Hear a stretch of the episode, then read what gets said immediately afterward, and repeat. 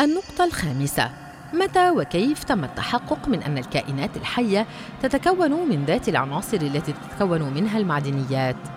حتى القرن التاسع عشر كان الفلاسفة والكيميائيون الأوائل يميزون بين المواد التي تخلق في الطبيعة من أصل معدني مثل الذهب والنحاس والحديد وبين المواد التي تتكون من أصل عضوي أي خلقتها الكائنات الحية وكان التشبث بهذا الاعتقاد يعود إلى كون العلم في تلك الحقبة قاصرا عن تطوير التقنيات الضرورية في تحليل المركبات.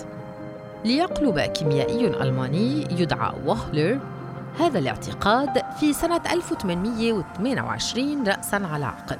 وذلك بفضل اكتشاف حصل عن طريق الصدفة البحتة فكان قد جلب مركبين بطبيعة معدنية هما سيانات الفضة وكلورور الأمونيوم وقام بتعريضهما للحرارة ليفاجأ بإنتاج مادة البولة وهي مادة لا تعرف سوى في سائل بيولوجي كالبول. وعليه تم استنتاج أنه في ظروف محددة ومضبوطة يمكن إنتاج سائل أو مادة عضوية تنتج مثيلتها من خلايا حية عن طريق دمج معدنيات معينة ببعضها في المختبر.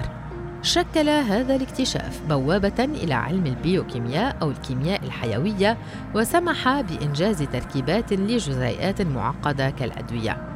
ومن خلال التقدم في الكيمياء الحيوية توصلنا إلى التأكيد بشكل قاطع أن أجسام الحيوانات والبشر على حد سواء تحتوي على مجموعة من المعادن مثل الكالسيوم والزنك والمغنيسيوم والتي لا يمكن الاستغناء عنها لأهميتها في عمليات الأيض وتكوين الخلايا. ومن أهم العناصر الأخرى المتواجدة بكمية كبيرة في الأجسام الحية هناك الكربون والأكسجين والهيدروجين كما نجد البوتاسيوم والصوديوم وهي تؤدي وظيفة هامة جدا. فهي تساعد في نقل الأكسجين في الجزئيات كما تحوي جزئيات أخرى على عنصر اليود في الغدة الدرقية. وعليه يمكن القول إننا نتشارك الطبيعة في معادنها وإننا دون هذه المعادن لا نستطيع أن نحيا